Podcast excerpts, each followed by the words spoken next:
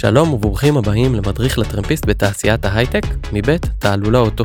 הפודקאסט הופק עבורכם על ידי כלל עמותות בוגרי השירות הצבאי, ומטרתו לסייע לכם בהשתלבות נכונה בתעשייה. אני יותם גרוס. ואני אביחי חיימפור, ויחד נחשף למקצועות השונים בתעשיית ההייטק, ונשמע מהטובים ביותר איך עושים את זה נכון. אז בואו נתחיל. ערב טוב, אביחי. אהלן יותם, אהלן יותם. מה שלומך? זה יום של אנרגיות, לי זה מרגיש ככה. אנחנו הגענו לפה חזק היום, אני אוהב את זה. לגמרי. ויש איתנו פה היום אורח מאוד מיוחד, דניאל פרץ. שמח להיות פה. טוב שבאת, אנחנו שמחים גם, ותודה רבה על הזמן שלך. אה, דניאל פרץ היום הוא סמנכ"ל הלקוחות בחברת אגורה, חברה שמפתחת טכנולוגיות אה, ומתמחה בעולמות הנדל"ן. אה, המון שירותים מעניינים ודברים שנראה לי כולנו היינו שמחים מאוד לשמוע. ונראה לי שהדרך הכי טובה בלהתחיל זה רגע תספר לנו קצת דניאל מי אתה איך אתה כמה אתה. טוב קודם כל באמת כיף להיות פה. אני מרגיש שיש הרבה מה להגיד במעבר הזה בעולם הזה שבין המעבר של הצבא בעצם למעבר של אה, להיות בחיי ההייטק סטארט-אפים עולם האזרחות איך שאנחנו קוראים לו. אה, אני הסיפור שלי מתחיל אה, בלפני הוא מתחיל בתל אביב תל אביבי. התגייסתי לקורס חובלים זה סיפור בפני עצמו איך זה קרה. סיפור. התגייסתי לקורס חובלים שנתיים וחצי שירתתי רוב הזמן באשדוד הייתי שם מפקד ספינה מפקד סיירת מוכוון צבא אה, מאוד אהבתי את השירות הצבאי שלי מהיום הראשון עד היום האחרון אהבתי את הפיקוד, את האנשים, אהבתי את ה... זה היה מין העונה בחיים שלי שנתנה לי את ה... אני קראתי לזה עונת הביטחון. כלומר, אתה בעונה הראשונה מ-0 עד 18 אתה יותר אה, ילדות, שום דבר, אין לך תודעה עדיין. אתה באיזושהי בנייה לא ברורה. מגיע הצבא, אתה פתאום כאילו עומד בפני אנשים מטורפים, האנשים הכי טובים באוכלוסייה, אתה פוגש אותם ואתה שואל את עצמך מי אני בתוך הסיפור הזה. ובאמת צעד צעד אתה מתחיל לבנות את הסנטר שלך, את, ה, את הביטחון שלך להגיד, את הביטחון שלך לקבל החלטה, לעשות משהו. אמ, אז העונה של הצבא היא באמת הייתה העונה של הבנייה של הסנטר שלי, של הביטחון שלי, לקבל החלטות, להגיד משהו, לדבר, להוביל, להחליט, להבין שאני טוב לא פחות מאף אחד, ויכול לעשות בעצם כל מה שאני רוצה. אמ, וזה בעצם היה שירות אפשר לדבר עליו אה, ארוכות הייתי מפקד ספינה ב-916 הייתי בצוק אה, בצוק איתן בעמוד ענן אמ, ככה אתה יודע גם בבין לבין מבצעים מיוחדים אה, ובאמת יצאנו שם לעשות את הדברים הכי מיוחדים שיש אבל הדבר הגדול ביותר ואותו אני אחבר אחר כך גם לעשייה הנוכחית הדבר הגדול ביותר שעשינו הוא בעצם להבין בני אדם. כלומר בהיותך קצין בוגר קורס חובלים מפקד של בהתחלה 14 אה, לוחמים אה, בספינה, אחר כך אה, מפקד בית ספר של 200, 200 חניכים, שמונה קורסים שרצים במקביל, חמש מגמות, יש לך כבר קצינים, נגדים, אתה יודע איזה מין שרשרת כזאת, אתה אחר כך מפקד סיירת, אתה ביחידה מבצעית, אתה חמש ספינות, לוזים, עניינים, אבל בעיקר אנשים. כלומר יוצא לך להבין אתה כל הזמן בסיטואציה מול בן אדם. האופרציות נשמעות מאוד מורכבות, האופרציות האנושיות. אופרציות בכלל, כל הקטע המנהלי אופרציה, ו... אבל העיקר שלי הנושא ה... שלא ידעתי להגיד אותו, לא ידעתי בהכרח להבין אותו ואת המהות שלו, היה הסיטואציה הנוכחית, מה שאנחנו עכשיו עוברים אני ואתה, היכולת לנהל שיח, היכולת להבין בן אדם, להבין מה הוא רוצה, מה קורה אצלו, מה, מאיפה הוא בא, מה הוא, מה הוא אומר, מאיפה זה מגיע, ו, ואתה יודע, וכן הלאה. אמ, וזה בעצם הדבר הכי גדול שהיה, שהיה לי בשירות, היכולת להוביל אנשים, היכולת באמת, אה, לח, כאילו, בידיים שלי אם יהיה להם שירות טוב. אם אני אהיה מפקד טוב, יהיה להם שירות טוב. הם יצאו ויגידו, אני היה לי שירות נדיר, נהניתי, עשיתי, חוויתי, הייתי, השתפרתי, ואם אני אהיה לא טוב זה בדיוק הפוך. כלומר זה איזשהו one man show כזה שהוא מאוד תלוי בך ואתה חייב להבין אותו כמה שיותר מהר, אה, כדי שזה יצא לפועל כמו שאתה רוצה. ממש נראה לי עוד מעט נראה גם לאיפה זה אה, יכול להתחבר פה גם לתפקיד היום נראה לי זה מתחבר די בקלות אגב. אגב שירות הצבאי כמה זמן אה, נסתכל מקורס חובלים אתה יודע ואז ועד החתימה כמה זה בטוטל יוצא. אז אני הכל. סך הכל שירתתי תשע שנים כאשר השירות ה... אני שמונה וחצי שנים בדיוק כאשר השירות הרגיל הוא שבע וחצי שנים אני הארכתי עוד שנה. אה, מתוך מקום של להקים סיירת הייתי צריך להקים סיירת חדשה ורציתי לעשות את זה. ו... איזשהו מקום כזה גם חשבתי להמשיך בצבא דרך אגב הייתי בטוח שאני אמשיך בצבא אה, הייתי בדרך להמשיך בצבא, משהו פה בפנים, בלב, אמר לי כזה, רגע, שנייה, אתה יודע, לא יודע. יש עולם שלם בחוץ. יש עולם שלם, ו... והדבר שהכי אהבת זה האנשים, וה... וזה לאט לאט מתרחק, וה... ורגע, החלום שלך זה להיות אה, מפלג, החלום שלך זה להיות מב"ס, החלום שלך זה להיות מפקד חיל הים, יש לך חלום כזה? לא היה לי אותו באמת, אבל כמובן שהחששות, והצד השני, וזה שאתה לא יודע מה קורה באזרחות, ולא יודע מה אתה שווה באזרחות, ואתה כבר שווה משהו בצבא, זה קיים, לא משנה מה. אה, אבל בסופו של דבר באמת אה, קיבלתי החלטה, היום אני אומר אה, ברוך השם, שוב, מתוך אהבה ענקית לצבא, שלא לא ישתמע פה לא נכון, אבל מתוך זה שגם שיחות על פחדים וחששות, הם דברים שלא קיים, זה אצלנו בראש, בסוף אתה יוצא החוצה, ואתה יכול לעשות כל מה שאתה רוצה בדיוק אותו דבר כמו שעשית בצבא. אה, וזהו, ואנחנו ניגע אחר כך גם... אני מזדהה מאוד עם מה שאתה אומר, במיוחד רגע עם המשפט האחרון הזה, כי אני חושב שהוא סופר רלוונטי, כלומר, אתה מתמודד עם הפחדים שלך בצבא בתור לוחם, כמוני, כמוך, כמו כל המאזינים שלנו.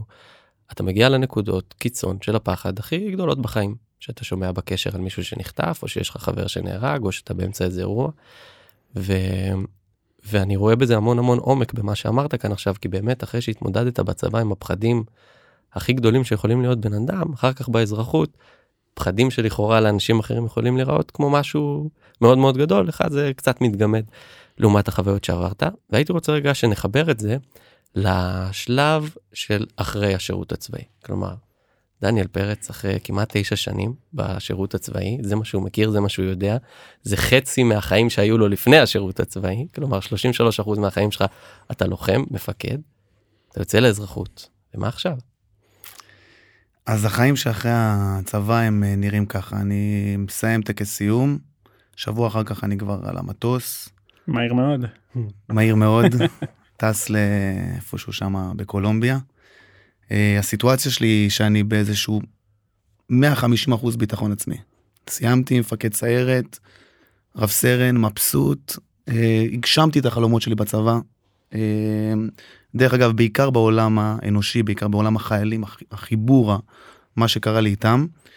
אה, נחתתי בחו"ל, קיבלתי איזה בעיטה ככה, ב, אתה יודע, באיזה 180 לפנים. Mm-hmm. לקח לי איזה חודש להתאפס על עצמי שנייה, שלושה שבועות בתוך הטיול, ברמה שאני אומר לך, מ-100% ביטחון, למקום שאני כאילו אומר, בואנה, אולי אני חוזר, אולי אני כאילו, אולי אני לא מתאים לטיול הגדול. אה, פתאום הוסטל לבד, ואני בן אדם של אנשים, ואני כל הזמן עם מישהו, וכל הזמן עם חברים לידי, ומורכב, ופתאום, לא, אני אטוס לבד, ברור. אני טס לבד, הכל טוב. אז הנקודה הזאת היא איזושהי נקודה כזאת שחשוב לי להגיד, כי אנשים לא מבינים, כאילו, אנשים עוברים את זה, האנשים הכי חזקים נוחתים, שנייה, צריכים להתאפס, צריך להיפתח. אחרי שלושה שבועות באמת יש את המילה הזאת, נפתח לי, שזה אמיתי, זה פשוט כאילו משהו בך, אתה כבר מייצר את הוודאות, מבין את השגרה, מוצא את המקום שלך, מוצא פתאום איזה מכיר עוד איזה מישהו, אה, וככה רצתי איזה שנה. אה, בין כל המדינות, דרום אמריקה, מרכז אמריקה, אה, אין ספור חוויות, חזרתי לארץ. ופה אנחנו נדבר קצת גם על נושא הביטחון, כלומר עשית הרבה דברים בצבא, וכולם והרבה מאזינים עשו דברים בצבא, הם קיימים, הם חזקים, זה שהם תחת הכותרת הצבא, זה לא אומר שאין להם מהות. יש להם אין ספור מהויות ואנחנו נדבר עליהם בחיים האזרחיים, במציאות, אבל יש לנו איזה נטייה להפריד. כן. כלומר מה שעשיתי בצבא עשיתי בצבא זה חלק מהצבא הייתי מדהים הייתי בזה משהו אחר ומה שיש לנו בצבא לא. 80 אחוז מהדברים חופפים. זה שזה אופרציה כזאת זה, זה שאתה זה 80 אחוז מהדברים חופפים. הביזנס הטכנולוגיה זה לא הדברים הקשים בחיים. הדברים הפנימיים הם הדברים המורכבים ואת זה אתה עושה בצבא. הדברים הפנימיים אנחנו נדבר על זה. בוא תגיד שאתה חוזר אתה מסתכל על השלב הזה כאילו יש את השלב באמת של הטיול אתה יודע, של לנחות לתוך מציאות אה, מסתכל אפילו אזרחית עוד שנייה לפני עולם העבודה כאילו. הרבה פעמים דווקא בטיול אתה עוד לפני השאלות הגדולות אתה שנייה חווה חווה את עצמך ולא ניכנס לזה כי זה באמת פחות המטרה עכשיו של, של הפרק הזה. אבל אני מסתכל באמת אתה מדבר על הערך שאתה מבין שאולי בדיעבד אתה מבין שהבאת איתך ושבאותה תקופה שאתה שנייה חוזר לארץ אחרי הטיול ושואל מי נגד מי. זה לא בהכרח הvalue שקופץ לך על עצמך. בוא נדבר שנייה על השלב על זה שבו אה, השתחררת מהצבא, חזרת מהטיול, ועכשיו מה? כי אני רוצה שאני מתעכב על, על השלב הזה שאתה נכנס לעולם הקריירה, ואתה פתאום שואל אוקיי מה אני מביא איתי מה אני מביא איתי למה אני מחפש מה כאילו יש כאן סיפור של ביטחון עצמי ושל זהות ובוא נתעכב עליו שנייה. אז אצלי זה היה חז... טיול זה התודעה מסוימת אפשר לדבר עליה אנחנו נדבר על זה, המון פתיחות מסוימות בחיים שלך בצבא אתה יש לך משימה אתה לא מודע לזה כן יש לך משימה וזה דבר היחיד שמעניין אותך. שבוע הבא יש שבוע סיירת ארוך על זה צריך לצאת הביתה זה זה. יש לך בחיים תוך כדי חברה דברים אתה חושב שזה חשוב זה הדבר היחיד שחשוב לך הצבא אין לך מושג שכל שאר הדברים לא קיימים אפילו לא משפיעים לך על האנרגיה. יש לך משהו אחד שמשפיע לך האנרגיה זה הצבא אתה יוצא לטיול פתאום אתה קולט יש המון צירים שמשפיעים עליי. חברים אז זה, זה, זה, כל אחד מקבל הרבה יותר נתח על האנרגיה הפנימית שלך. ואז אתה חוזר, ויש לך נטייה לחשוב שהנה אני מתחיל מחדש. הנה אני יוצא עכשיו לדרך חדשה. אני יוצא כאילו הנה אני עכשיו מתחיל חיים חדשים. זה נטייה כזאת, כאילו אתה, זה משהו פנימי. אתה נכנס לאיזשהו, אני קורא לזה תקופת מעבר, ובתוך התקופת מעבר הזה יש לך חוסר ודאות. החוסר ודאות מביא איתו חוסר ביטחון מסוים. כלומר אתה שכחת שפתאום עשית המון דברים בצבא והיית דמות מזה לא שכחת במאה כן אבל זה עופף אותך זה קיים סביבך אני זוכר את עצמי באותה תקופה מאוד כנוס מאוד שנייה אוקיי אני צריך למצוא עכשיו עבודה. זה מרגיש קצת כאילו אתה יודע מאיפה אני מתחיל לאן אני הולך מה זה רגע מה אני אומר להם מה עשיתי איך זה. מה אני עושה בכלל לאן, לאיזה תחום אני הולך ויש בזה המון חוסר ודאות שמביאה איתו חוסר ביטחון. ש... בסופו של דבר שוב כמו שאמרנו מקודם זה הכל פה זה לא זה לא קיים. אתה אותה דמות חזקה שיצאת מהצבא כלומר הרבה אנשים פה ששומעים היו יצאו מהצבא בשיא שלהם. אתם באותו שיא. אתם לא פחות אתם שנייה לא פחות מהשיא הזה. זה שהתחלתם משהו חדש הכל טוב אתם מביאים אתכם שלל של דברים אבל תרגישו את זה תבינו את זה ואנחנו נדבר גם ברעיון לאן זה ישלח אתכם. כלומר לא לבוא מהנקודה הזאת שאני בא מאפס. אני לא ג'וניור. לצורך העניין השתחררתי בגיל 27-28, אחת הטעויות הכי גדולות שלי, אנחנו נגיע לזה, זה שברעיון הרגשתי שאני ג'וניור. אתה מבין? הרגשתי שאני כאילו, אוקיי, אני בא למשרה חדשה, אני עכשיו אין לי מושג חיים, לא, איפה אתה? 80% מהתפקיד, אנחנו נדבר על זה גם, ב-CS זה לא התוכנה, זה לא סיילספורס. CS תן לנו רק בשביל החבר'ה. ב-customer success, בעולם הלקוחות, בעולם האנשים, מה זה לקוחות? זה אנשים. זה לא אוקיי אז יש מוצר צריך לדעת את המוצר מה הוא עושה. אחי זה לא האמנות שלך לא, תשב חודש תכיר את המוצר תשב חודשיים אתה הכפתור הזה שולח אותך לשם זה לא האתגר. יש את ה business business לומדים יושבים מבינים את ה business הכל טוב קח חודש חודשיים שוב אתה תבין איפה האתגר שלך בעולם הזה של ה customer success. הוא באנשים בבני אדם אתה כל הזמן באינטראקציה. 24/7 אתה באינטראקציה עם בני אדם שבאים לך מכל הכיוונים. באים לך לא מרוצים, באים לך מרוצים, באים לך סקרנים, באים לך תוקפניים, באים לך מכל, מכל העולם באים לך אנשים. עכשיו יש לך נטייה להגיד, אני ג'וניור, אני לא הייתי אזרח אף פעם. אני כאילו בא מאפס. והמאזינים שלנו הם יבואו משלל הכיוונים, יהיו פה מאקים, יהיו פה קצינים שישמעו, יהיו פה חיילים שעשו פה ש... חבר'ה, אתם באים פה עם מטען מטורף של הבנה בבני אדם. ענק, מטען מטורף שבהם ביום הראשון שלכם בתפקיד, הוא יופעל, הוא יופעל כי אתה תפגוש את הלקוח ואתה... וה-80 אחוז מה שבאמת חשוב זה איך אתה מגיב לו אנרגטית. זה לא כמה אתה מכיר את התוכנה, וזה לא כמה אתה מכיר את הביזנס, וזה לא כמה אתה מכיר את עולם ה-customer success. זה איזה בן אדם אתה. וזה נקודה מאוד מאוד מאוד משמעותית בעיניי. ב... אני, אני רואה את זה כמשהו מאוד מרתק והייתי רוצה שננסה שנייה לחבר את זה היום לפעילות שלך בתוך אגורה אם תרצה כמובן אנחנו מאוד נשמח לשמוע כמה מילים רגע על החברה ואני אשמח אם תצליח לחבר את זה אחר כך רגע למהות הזה של עולם הלקוחות בתוך תעשיית ההייטק כי זה בסוף הגרעין והלב של מה שאנחנו מנסים אה, לייצר את החשיפה ואת ההבנה של כל מי ששומע אותנו שאומר אולי אולי לקוחות זה לא המקצוע שנחשב הכי סקסי או שאולי כן אני לא יודע אבל רגע לנסות לתרגם את בעצם מה זה בכלל אומר להיות אה, אחראי הלקוחות בתוך חברת הייטק. אה, ואני חושב שבעזרת החיבור הזה אנחנו נצליח לייצר פה איזושהי תמונה שהיא קצת יותר הוליסטית למה שאנחנו אה, מדברים עליו. אה, מהמם, אני אומר מהמם. אגורה. אז אגורה בעצם היא חברת סטארט-אפ היום אחרי סבב A. גייסנו בסבב A 20 מיליון דולר, גייסנו בסבב הראשון בסיד בערך 9 מיליון דולר. אני הגעתי לחברה ממש בשלבים הראשונים לפני הגיוסים. בתור באמת היה כבר מוצר ראשוני. אה, איך אני אסביר לכם בצורה הכי פשוטה ולמאזינים שלנו מה החברה עושה דמיינו שיש חברות. חברות מסוימות נניח חברת אלקטרה. חברה אלקטרה נדל"ן היא מגייסת כסף ממשקיעים פרטיים. מגייסת לצורך הדוגמה מ-300 משקיעים 10 מיליון דולר דוגמה.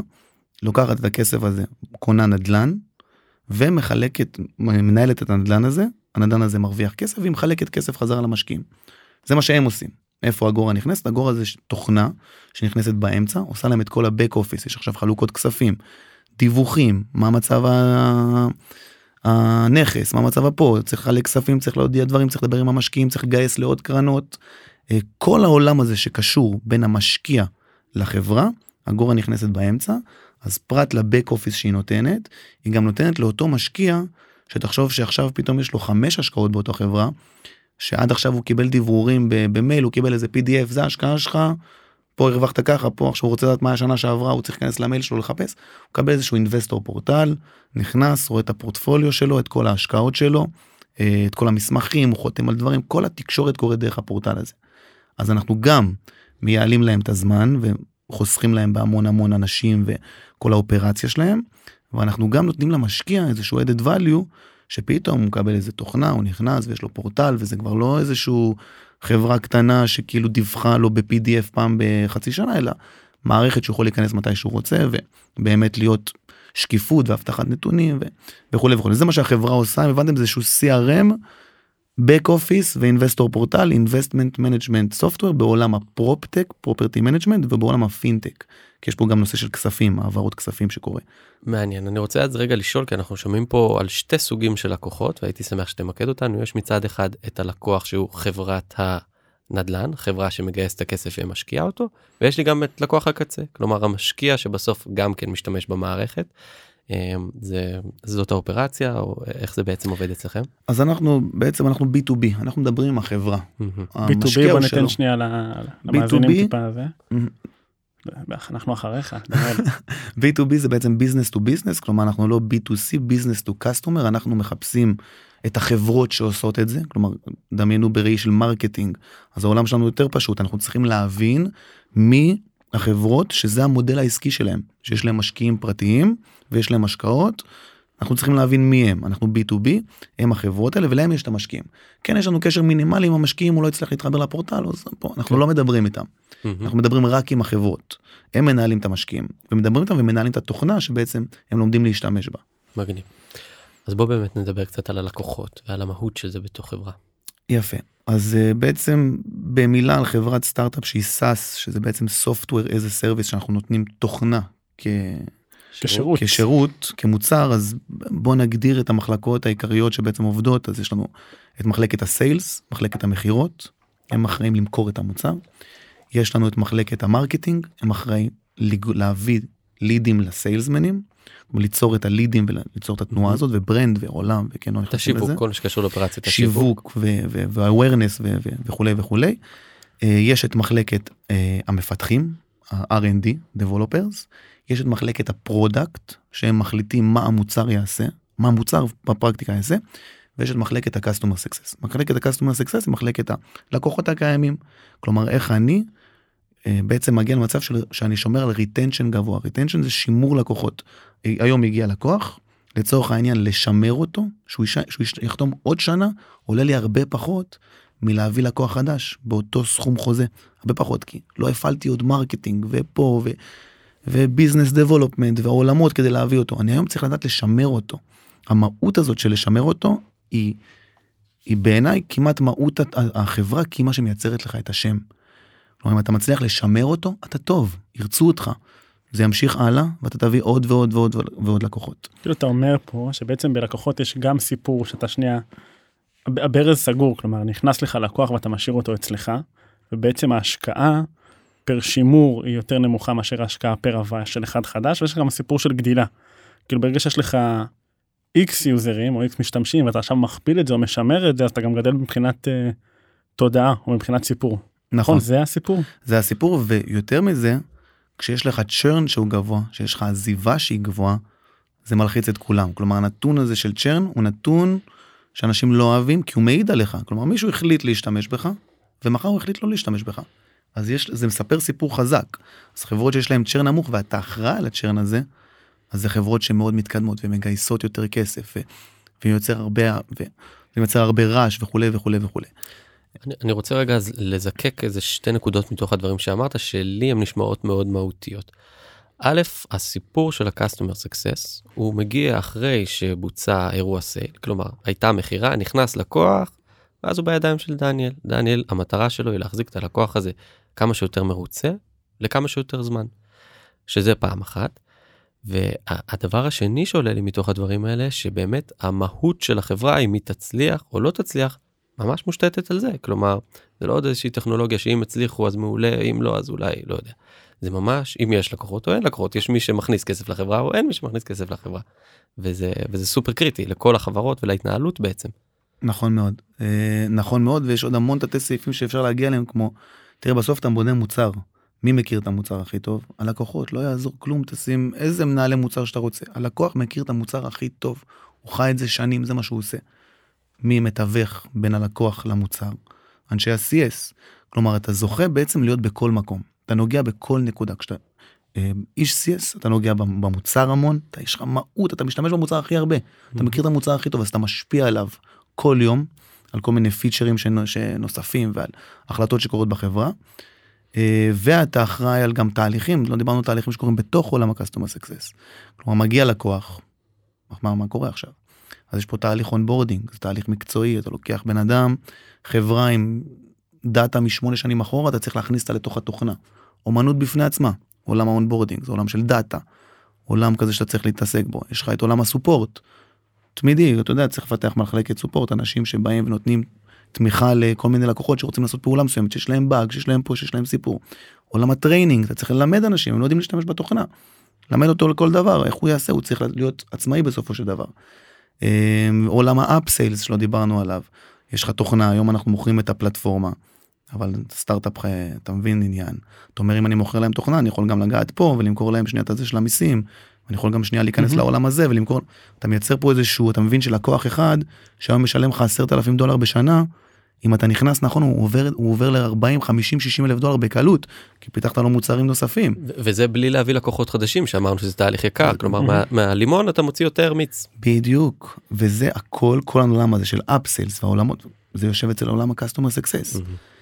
אז זאת המון המון אה, אחריות היא מעניינת ואנחנו נדבר קצת על מה איזה בן אדם צריך להיות כדי להגיע לעולם הזה מה.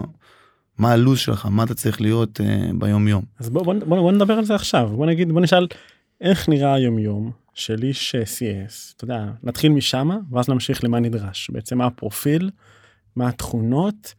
אתה יודע ובסוף שבן אדם שואל את עצמו אוקיי. אם אני יודע איך אני יודע אם אני מתאים לתפקיד כזה מה הרקע הממוצע. בוא נדבר על זה שנייה. אז אני אגע ב...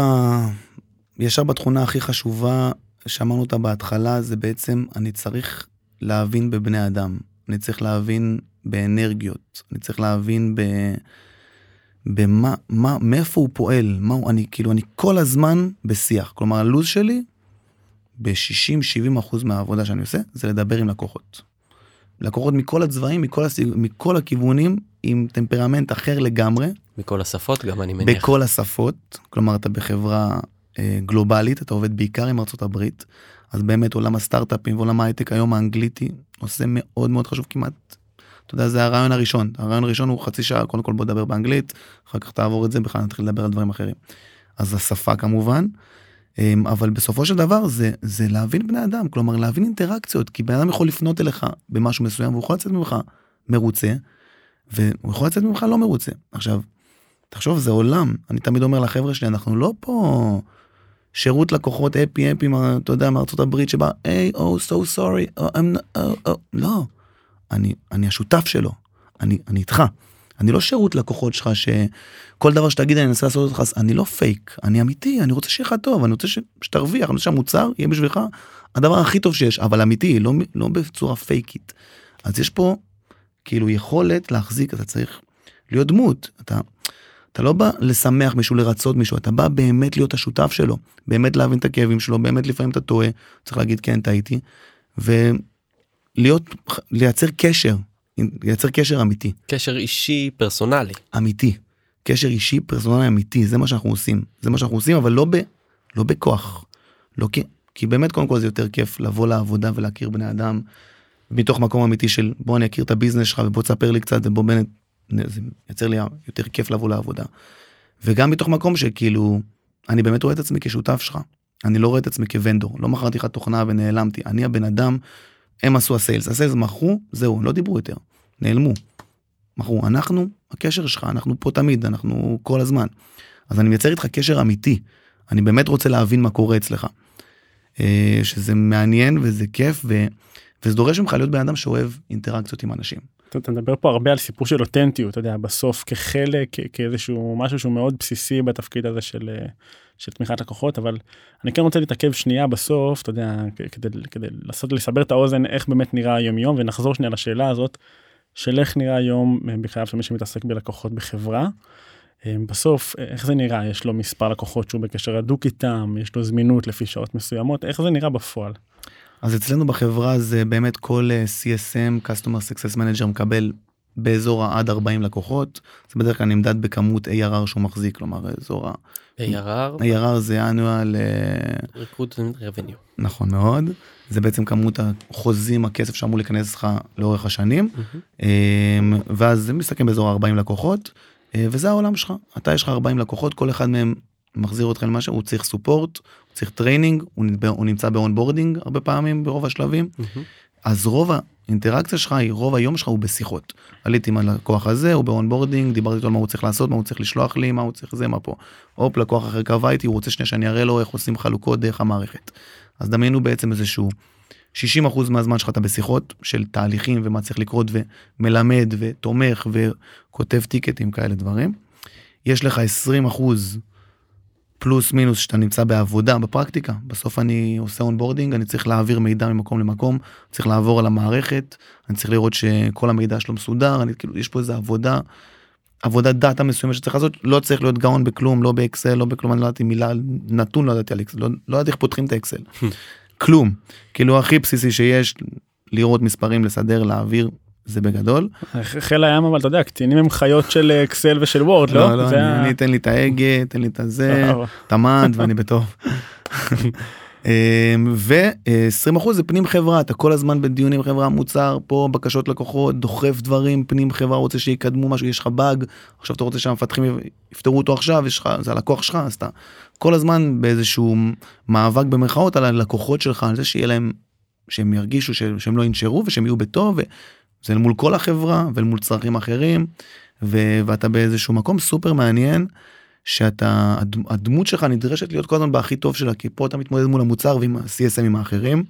ואתה צריך לדחוף את מה שאתה חושב שהוא נכון ולדעת להסביר את זה. ובמקומות אחרים אתה עובד שנייה מול מחשב עכשיו שעתיים ורואה שאתה באמת בונה את התוכנה כמו שצריך ואתה החישובים מסתדרים לך ואתה מבין את ה business. על זה לא דיברנו. אם אתה תדע רק מה התוכנה עושה שהכפתור הזה הוא שולח אותך לפה אבל לא הבנת את ה business, להבין נדל"ן. בן אדם מדבר איתך, הלקוח בצד השני. אם אתה מבין נדל"ן, הרבה פעמים אתה מתקן אותו. הוא אומר לך, רגע, פה עשיתי חלוקות כספים, החזרתי לו ככה קרן. אתה אומר לו, איך החזרת לו קרן ככה מעל זה? הוא קולט את הסיטואציה שאתה, שאתה איתו, אתה, הוא, הוא מבין, הוא, הוא מתחבר אליך. הוא מתחבר, הוא, הוא כאילו מתחיל לתפוס ממך. אז אתה כאילו נדרש מכל הכיוונים להבין את הביזנס להבין את התוכנה אתה מספר אחד בתוכנה תחשוב אין, אין סיכוי שהוא שואל אותך שאלה על התוכנה מה הכפתור הזה ואתה לא יודע מה הוא עושה כאילו מי ידע אם אתה לא יודע. Mm-hmm. אנשי מוצר לא יודעים כמוך אנשי מוצר מתחלקים לחלקים שלהם אתה יודע את כל התוכנה אתה הפנים של החברה. אני, אני רוצה רגע להתעכב על הנקודה הזאת כי מתוך כל מה שאנחנו מדברים פה אני שומע את זה באופן חד וברור. בסוף החברה מיוצגת על ידי אנשי ה-customer success שלה. ו... להבדיל מ... לא יודע, חברות שרובנו מכירים, כן, שאתה צריך פתאום את שירות הלקוחות, אז אתה צריך להמתין על אה, קו ולבחור עם איזה ספרה אתה צריך. שלוחות, שלוחות. ואתה אף פעם לא מגיע למקום הנכון, מעבירים אותך, מחזירים אותך, ובדרך כלל גם זה לא האנשים אה, שאתה שמח לקבל מהם שירות, כן, ודווקא אתה בא ומצייר לנו פה איזושהי תמונה שהיא 180 מעלות משם, כלומר, בתוך תעשיית ההייטק, הדבר הזה הוא הלב של החברה, הוא הפנים של החברה כי אה, בסוף לקוח הקצה לא מכיר את מנהל המוצר הוא לא מכיר את מנהל הפיתוח הוא לא מכיר את האיש כספים הוא לא מכיר אף אחד חוץ מהנציג שלו במחלקת ה-customer success ואם החברה יש לה שם טוב זה בגלל שאנשים נתנו שירות טוב ולהפך. ו, ובאמת אה, אה, הייתי רוצה רגע לשמוע איך אתה מצליח להתחבר ולתכלל את כל מה שקורה בארגון שלך ולהצליח לדלבר את זה החוצה כלומר לתקשר עם הלקוחות ולתת להם באמת את השירות הזה כי לי זה נשמע מלאכה מאוד מאוד מורכבת כלומר הרבה מאוד ידע מצד אחד ומצד שני גם הרבה מאוד עומס כי אתה זה שעומד מול הלקוח בסוף אתה צריך לתת את התשובות כאן ועכשיו אם אין לך אתה בבעיה והחברה בבעיה. אז אני, אני אגיד שנייה משהו, יש איזשהו נטייה לחשוב שקסטומר סקסס זה שירות לקוחות, כאילו, תל, אתה יודע, יש אנשים נטייה לחשוב mm-hmm. טל, טלפונים, אני עונה שנייה לטלפון, אומר, זה לא customer success, customer success זה הצלחת הלקוחות. Mm-hmm. זה, בגלל זה קוראים לזה גם customer success, זה באמת, כמו שאמרת ותיארת את זה מעולה, זה הכל. זה, הוא מכיר רק אותך, ואתה תגדיר אם יהיה לו טוב, לא יהיה לו טוב, אם הדברים שהוא אמר יעברו עליו בצורה נכונה, אם הוא יישאר פה עוד שנה, ו... דרדר את זה לזה שהחברה תצליח זה לא טלפניה שעונה לטלפונים וסוגרת לו שנייה פינה של כפתור שלא נלחץ. שזה חשוב מאוד להבין זה, mm-hmm. זה עולם תוכן שלם כמו שאמרת. Okay. אוקיי. אמ, ואיך אתה עושה את זה ואני אגיד לך באמת וזה גם חשוב לצופים להבין. מבחינתי החלק של להבין את הביזנס אמרנו זה דבר שצריך לעשות תלמד את זה תבין את זה תקלוט את מה שאומרים לך, תחפור מה הכוונה? מה זה תבין את הביזנס? תסביר לי. אז יש לנו חברות שמגייסות כסף, קונות נדל"ן ומחלוקות כסף חזרה למשקיעים וזה בא הכי גדול, אבל בתוך הדבר הזה יש לך עולמות של מה שהם עושים, איך הכסף מתחלק. אז קודם כל יש לי מפלים, waterfalls, הוא מקבל קודם כל את השמונה אחוז, אני מבטיח לו שהוא מקבל אחר כך כסף עובר אליו, הוא מקבל החזר קרן, הוא מקבל החזר ריבית, יש פה מיליון מילים שונות באנגלית וכל מיני תהליכים שקורה, אבל אם החזרתי לו 100 אחוז מהקרן, אז 70 אחוז מאחוזי ההחזקה שלו יורדים. עכשיו ברור שלא הבנתם יותר מדי מה אמרתי. יש פה business שקורה, יש פה חברות שיש להם עולם תוכן שלם, זה מה שהם עושים, זה עולם תוכן שהם עושים, זה המקצוע שלהם. אתה תוכנה כן? והם זה העולם. אתה צריך להבין את מה שהם עושים.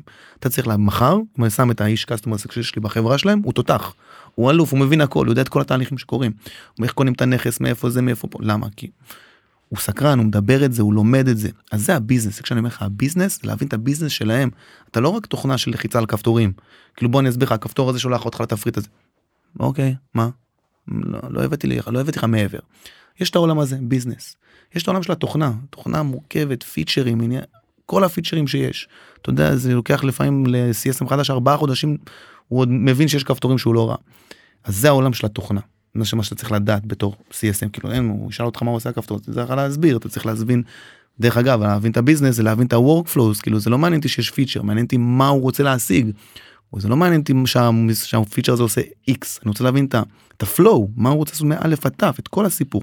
ואז אני דוחף אותו, מכווין אותו, אני שולח אותו ממקום אחר, אני, אני מבין את התמונה הכוללת. יש את העולם הזה, שזה שאלת על זה, מלמדים ומסבירים, והכל טוב, ו- ושישמעו, זה לא החלק הקשה. שוב פעם, החלק הקשה, זה שבסופו של דבר, כשהוא נכנס איתך לשיחה, הוא יצא ממך בטוב. הוא יצא ממך בטוב, בין אם הוא כעס, בין אם הוא כעס מאוד, בין אם היה עכשיו איזה, אתה יודע, באג מרץ הבאגים שפגע בו מול המשקיעים שלו ופה ו... וסיפורים הוא צריך לצאת ממך בטוב. הוא, כשהוא יצא מהדמות שלך הוא יצא מרומם ממנה. ולא מרומם שוב דיברנו על אותנטיות. בצורה אותנטית. ולמה הוא יצא ממך מרומם? כי אתה מבין באנשים ואתה מבין אותו ואתה יודע לדבר איתו ולתקשר אותו ולמצוא אותו וכי אתה מבין את הביזנס ואתה מקצוען. זה הסיבות. יש פה בסוף אתה יודע אני מסתכל חילקת את זה יפה והיה פה חלוקה מאוד יפה חילקת את זה ל business. אמ, וחילקת את זה לתוכנה אתה בעצם מבין את הצד שלו כלקוח בצורה מאוד עמוקה אתה, אתה מקצוען. אתה מבין את הדומיין שהוא עוסק בו אתה מבין את החברה הספציפית שלו את הדיל הספציפית שנתפר עבורו ואתה גם מבין באמת בערך שאתה מציע לו. עכשיו שאנחנו אני רוצה לדבר שנייה אנחנו רוצים לדבר על הסיפור של מה אנחנו לומדים מה אנחנו מקבלים בתפקיד כזה בסוף אנחנו אנחנו שואלים פה בכל תפקיד בתפקיד אוקיי אתה עושה ככה וככה וככה מעניין מגניב או לא מגניב. אמ, מה אתה חושב שאנשי אה, CS מקבלים מהתפקיד שלהם? מה אתה יוצא אחר כך ואני שם את הסיפור של התגמול הכספי בצד. לא. אתה יודע, כערך, כיכולת, כ... אז כיכולת קודם כל זה מקצוע. זה מקצוע שאני יכול להיכנס איתכם לעומק שלו. זה עולם של סופורט, עולם שלם של תוכנות, איך אני עושה סופורט, טיקטים, ואיך נפתח לי טיקטים, ומונחים, ו-SLA, ואתה יודע, כאילו זה עולם תוכן, CS זה מקצוע שאתה יכול לרוץ איתו שנים, בהתחלה כ...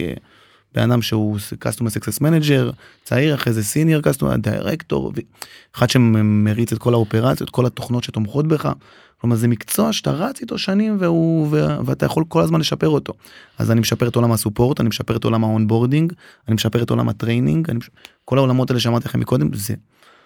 זה חתיכת גוש של דבר שאני צריך להבין בו ולשפר אותו. אז כן, בערך שלך אתה מקצוען יותר. אתה כאילו לומד איך להיות איש CS בחברה.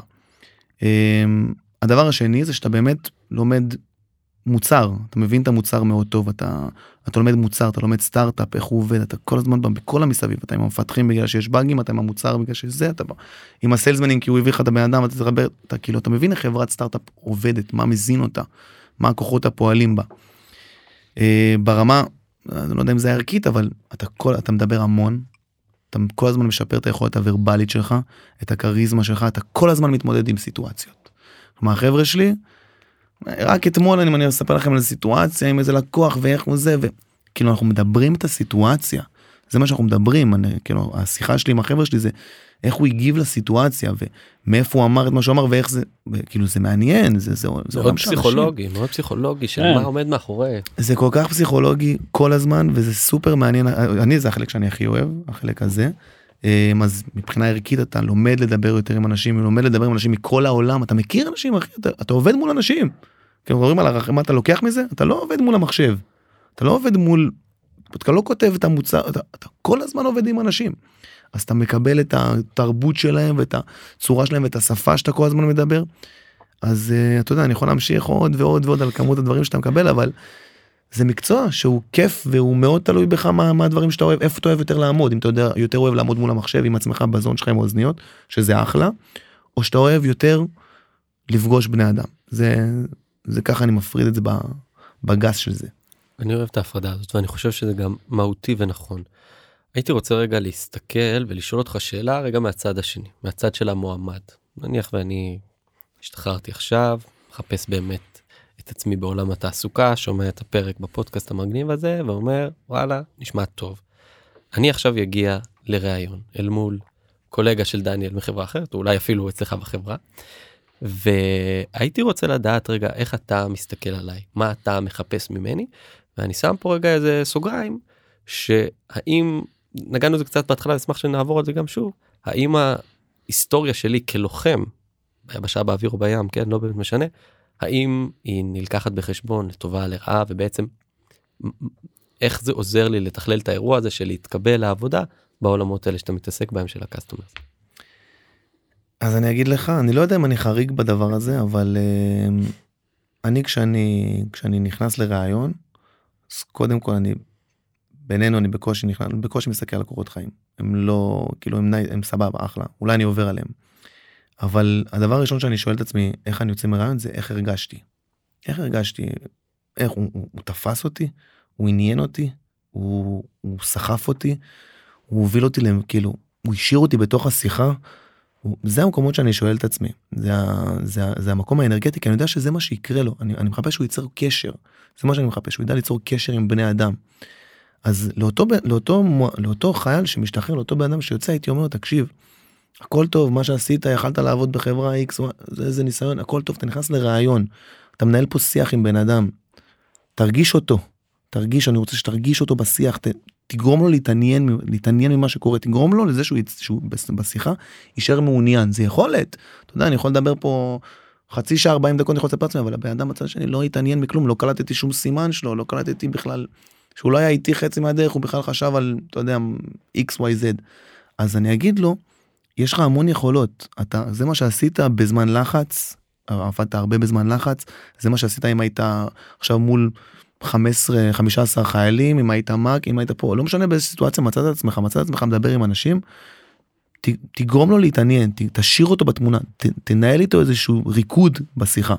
תבדוק אותו אל תבוא עם ביטחון אל תבוא מלמטה. זה מה שהייתי אומר לו תבוא אני באתי מלמטה. אני ברעיון הראשון שלי באתי מלמטה כמו שאמרתי לך באתי ג'וניור.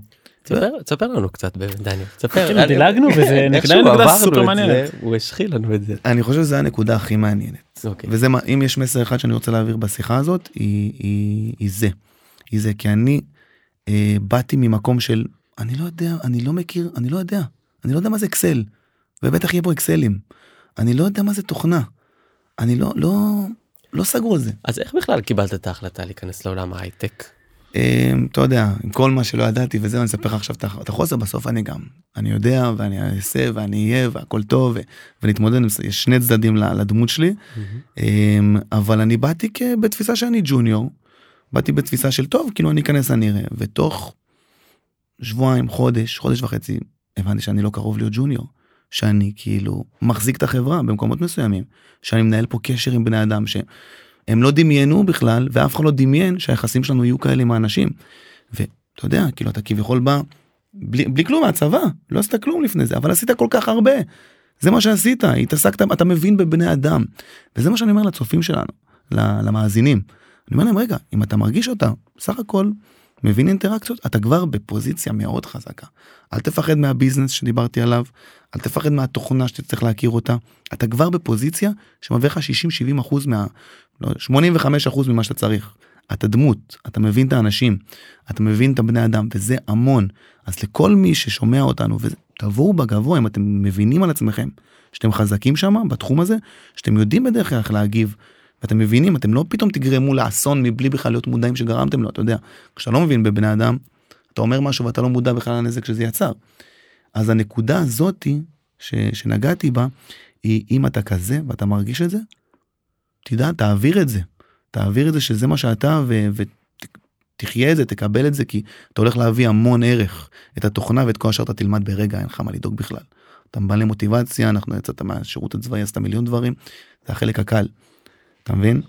כלומר, כשאתה אומר את זה, ואני מתחבר רגע למה שאמרת מקודם על הראיון, אתה בעצם אומר לנו, אתה ממוין לתפקיד של customer success. בוא תעשה עליי מהלך של customer success. בדיוק. כלומר, האיש סיילס הכניס אותך, עברת את השלב, מכרת את עצמך, אתה פה איתי בראיון, תעשה עליי את האופרציה, בדיוק. תעשה עליי את התהליך הזה. בוא תתחבר אליי, תתחבר אליי, תתחבר אליי, ושוב, מאפס מתוך מקום של, אם אתה עושה את זה מתוך אילוץ, אני ארגיש את זה. אתה לא מאולץ, בוא נתחבר, כאילו אנחנו פה, הכל טוב. בוא נדבר, בוא נכיר, אתה ברעיון, בוא נכיר. כן. בוא נכיר באמת, אל תוציא לי את כל, אל תפלוט לי את כל מה שקרה לך בחיים, ת, ת, תרוץ לי עם פלי... בוא ננהל שיח. אתה יודע, יכול להיות שאני אכנס פתאום פה יותר יעניין אותי, פתאום זה. תבדוק אם אני מבין, תבדוק אם אני איתך. תחזיק אותי. זה מה שאני אומר לאותו, לאותו מאזין, תחזיק אותו, תגרום לו להרגיש משהו. ואז אתה תראה שמתוך כל המועמדים, הוא יזכור אותך, כי הוא לא זוכר מילה ממה שאמרו לו בכל מקרה. אתה יודע, בכל מקרה עכשיו הוא סיפר לי הייתי בחברה הזאת עבדתי שלוש שנים אתה יודע עכשיו התפקיד האחרון במילה ראיינו איזה 14 אנשים 14 אנשים ראיינו לתפקיד ותפס אותי לוחם משוחרר מנחל אנגלי בן 21 שהשתחרר לפני שלושה חודשים עולה חדש עולה חדש השתחרר עכשיו לפני שלושה חודשים. הוא בא עם איזושהי אנרגיה גבוהה שלא ידעתי בכלל איך להכיל את זה ישבתי ככה והוא בא עם האנרגיה גבוהה והוא דיבר איתי והוא זה ופה וכולו היה בטוב ואתה יודע הוא לא עשה כלום מה יש לו לספר לי שהוא עשה כן. הייתי באנגליה אין לי כלום לא יודע התגייסתי לנחל הייתי בנחל. ואני אומר לך אנשים בני 40 אנשים בני 35 עם רצף של סיפורים של כאילו עבדתי בחברה הזאת שלוש שנים פה הייתי CS זה פה הייתי CS סולושן פה הייתי כל המילים באנגלית שאתה רוצה. בסדר אבל אני יושב ואני חצי כאילו כמעט מתאפץ ואני בכוח מחזיק את השיחה ומנהל אותה ומאוד שואל עוד שאלה הוא לא, אני לא אני כאילו הוא מחזיק את השיחה הוא בא ברוח אתה, אתה מבין לאן אני הולך והדבר הזה נגע בי והוא לקח את התפקיד לקח אותו בענק ניצח אותו. תשמע זה בסוף בסוף באמת אתה יודע במקצוע הזה יותר מכל דבר אחר זה באמת בסוף זה אנשים אתה יודע זה לא יכולות טכניות וזה לא זה כן יכולות אינטלקטואליות וקוגניטיביות ואני לא יודע מה ויש שם את האלמנטים האלה אבל בסוף. אתה רוצה בן אדם שיסחוף אותך, בן אדם שגורם לך לתחושה של טראסט, ובן אדם שאתה תלך איתו. וזה סיפור, אתה יודע, שאולי רזומה פה, רזומה תמיד חשוב, הניסיון תמיד חשוב, די אפשר להמעיט פה, אבל אולי אפילו ספציפי במקום הזה, זה איזשהו skill כזה, איזה charm, איזשהו ביטחון שאתה מגיע איתו, ש, ש, שכדאי מאוד שיהיה לך אותו מלכתחילה, ואם לא, אז תראה איך מפתחים אותו. אני חושב שאנחנו נתקדם פה שנייה לסיכום של ה... של הפרק הזה. ואתה יודע בוא ניתן פה שנייה בנקודות באיזה פופקורן כזה מה, מה אנחנו לוקחים מה, מהפרק הזה מה אנחנו למדים על, על CS על customer success אני חושב לי היה אני לקחתי מהפרק הזה באמת את הסיפור הזה את החיבור בין אה, אולי תוכנה ל business כאילו מעבר להבנה הטכנית של איך נראה התפקיד יש כאן באמת את, ה, את היכולת להיות domain expertise בתחום שה, שהלקוח שלך קיים עובד בעסקה שסביבו ובאמת כאילו כדי להיות מקצוען אין איזה תחליף אתה יודע כאילו או, ש, או שאתה כזה או שאתה לא או שאתה לא כזה ו, וכדאי מאוד שתהיה חלק מהחבורה הזאת וזה אחד והסיפור השני הוא עם, עם אותו מקצוענות גם סביב הסיפור של התוכנה של מה שאתה מציע. זה נראה לי הדבר המרכזי שאני פה אה, מבין ולוקח יותם שתף אותנו באיזה תובנה אז אני מאוד מתחבר לזה ואני חושב שזה הכל גם מתנקז רגע לסיפור הזה של איך אפשר להתקבל לזה כי, כי זה בעצם זה מתאר מאוד מאוד יפה את מהות התפקיד את התכונות ואת היכולות שאתה צריך לעשות וגם למה הוא כל כך מהותי וגם למה הוא כל כך חשוב כי בסוף תוכנות לא חסר כלומר באמת ושירותים מפה ועד הודעה חדשה ואני בטוח שכמו אגורה יש גם דומים ושונים וכולי. אבל ההבדל המהותי ובטח בעולמות ההייטק לפחות בעיניי זה הבני אדם וזה החומר האנושי. והיכולת הזאת היא להבין שהכלים והתכונות שהוצבת הם, לתוכם במהלך השירות הצבאי שלך בעיקר באופרציה הזאת של לוחמים והאינטנסיביות הזאת של תמיד להיות בצוות תמיד להיות במחלקה תמיד להיות עם אנשים כל הזמן ולדעת לייצר את ההבנה שלך סביב תרבויות כי פתאום יש איתך מישהו שלמד איתך באותה שכונה יש איתך מישהו מהפריפריה אה, אה, זה, זה מאוד דומה לזה שפתאום אתה עובד עם לקוח מהודו או לקוח מ- מ- מארצות הברית. היכולת הזאת היא להתאים את עצמך ולתת מענה נכון לכל אחד מהאנשים ברמה האנושית כי מקצועית אפשר ללמוד אפשר ללמוד גם לימדו קופים לעשות דברים מאוד מתוחכמים אבל ליצור את החיבור הזה זה משהו שהוא בעיניי הזיקוק של ה... התפקיד הזה ו- ואני חושב שדניאל אמרת את זה בצורה ממש נהדרת ואני גם אשמח לשמוע את זה שוב פעם ממך איך, איך אתה עוטף את זה לסיכום כי זה. כי זה מאוד אותנטי. קודם כל אני מאוד מסכים עם שניכם מאוד נגעתם בנקודות מרכזיות. אה, אם הייתי רוצה משהו שהמאזינים ידעו יש לנו איזה נטייה לחשוב מה אנחנו כאילו קודם כל יש נטייה לחשוב שמי שנכנס לסטארט-אפ צריך להיות טכנולוגי עכשיו זה פה מחשבים זה. חבר'ה לא 70% מהחברה הם לא מתכנתים. עם אנשי CS אנשי מוצר אנשי פה אנשי מכירות. זה כבר לצופים תכירו עולם הסטארט-אפים הייטק כל אחד יכול, להיכנס. דבר שאני רוצה להבליט זה שמי ששומע אותנו יש לכם כרטיס כניסה קודם אתם אתם מבינים באנשים אתם זה משהו שיש לחייל בצבא זה משהו, זה משהו נשמתי בוא נתחיל בזה זה משהו שיש לך מבפנים אתה נולד איתו אתה רץ איתו. יש לך את היכולת לנהל קשר אתה לא נלחץ מהסיטואציה אתה בטוב בתוך תקשורת יש לך כרטיס כניסה חזק מאוד לעולם הסטארט-אפים חזק אתה דמות מובילה ברעיונות זה הדבר הראשון שאני רוצה להגיד להם. עצם זה שיש לך את זה תרוץ על זה אל תפחד מכלום תרוץ על הדבר הזה אתה תתקבל ואתה תהיה ואתה תוביל גם זה הדבר הראשון. הדבר השני שאני רוצה לה, להבליט הוא שמדובר פה בתפקיד מאוד משמעותי. ולא אני לא מוכר אותו עכשיו כאילו בא למכור תפקיד משמעותי אני בא להגיד בסוף החברה נשענת על אותם אנשים אתה הפרצוף של החברה כמו שאמרת אתה לא יש נטייה לחשוב קצת על שירות לקוחות של פעם יש הרבה נטייה לחשוב על טלפניה ועל אתה יודע דברים ולא אתה לא שירות לקוחות אתה זה שמייצר את הקשר עם הלקוח אתה החברה והלקוח אתה אתה החברה אתה החברה אתה לא שירות לקוחות אתה החברה הנה אתה אגורה. כמו שאמרת מקודם הוא לא מכיר את המתכנת הוא לא מכיר את המנהל מוצר הוא לא מכיר אף אחד אתה החברה. עכשיו זה מה שאתה עושה יש פה תפקיד משמעותי מאוד מורכב וחשוב ולגדול בו ולצמוח בו אתה תגיע מאוד רחוק ואתה יצטרכו אותך. נגעתי בכל כך הרבה דברים אתה יודע upsales ו training ופה וכל כל כך הרבה דברים שקשורים שהצלחת החברה תלויה בך. אז זו הנקודה החשובה המהות המשמע, המשמעות. אמ, הדבר השלישי זה שאני חושב שגם אה, זה תפקיד שכיף להגיע לעבודה. כיף. זה חשוב זה כל כך חשוב. הולכים לעשות את זה עוד הרבה שנים קדימה אז אתה יודע. כן, אתה, אתה, אתה, אתה כל הזמן פוגש אנשים אחרים אתה כל הזמן בשיח אתה כל הזמן אתה מייצר קשרים אחי יש לי קשרים בעבודה. אומר לך לקוחות שאנחנו קצת מוגזם בטוב שאנחנו נמצאים פה כאילו אנחנו נדבר גם איזה חצי שעה בלי קשר לעבודה סתם שיחה לא יודע מאיפה הגענו לשיחה הזאת. אתה אומר שישי בערב באמת לך ארוחת שבת. אתה לא יודע לאן זה ילך אחי אתה לא יודע יום הולדת בקיסריה הייתי כבר ביום הולדת בקיסריה אבל כאילו אתה באמת מכיר אנשים אתה באמת אה, זוכה אה, לייצר קשר לדבר אתה משתנה משתנה לך עבודה אתה שנייה יש לך יש לי זון שאני שנייה עם אה, אוזניות באמת על הראש ויש לי עכשיו עבודה עכשיו ידנית על המחשב. אבל מהר מאוד אני מוצא את עצמי בשיחה אחרת ומהר אני בשיחה פנים מחלק, מחלקתית כי אני לא עושה את אותו דבר אני בתנועה בתנועה בעולם תוכן שלי ואני כל הזמן לומד ולומד ולומד.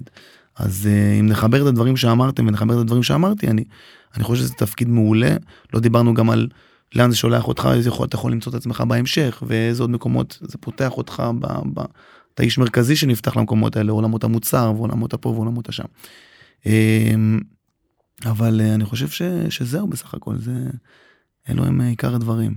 לדעתי זה לא יודע ברמה האישית אחד הפרקים שהכי התחברתי אליו ושנתן לי הכי הרבה את ההבנה ואת היכולת לתכלל את הסיפור הצבאי ואת עולם התעסוקה במיוחד בהייטק ולחבר ביניהם ולהבין שיש פה באמת איזושהי קונסיסטנטיות כזאת בין המהלכים ו, והדברים תמיד מחוברים ואם הצלחת שם אז אתה תצליח גם שם ו, ו, וזה כזה זה סוג של שרשרת כזאת שנבנית אחד על גבי השני שזה גם לא יודע לפחות מהמקום שלי חלק מהמהות של הפודקאסט הזה מה איתך אביחי מה אתה אתה אומר. יודע למה נראה לי זה הרגיש לך ככה יותר?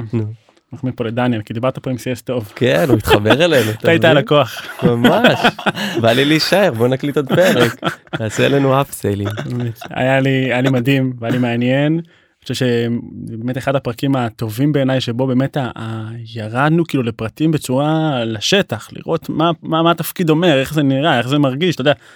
הרחנו את זה מקרוב לא לא רק במילים אה, מרוחקות ככה ובכותרות מפוצצות ואני טוב, נהניתי פה.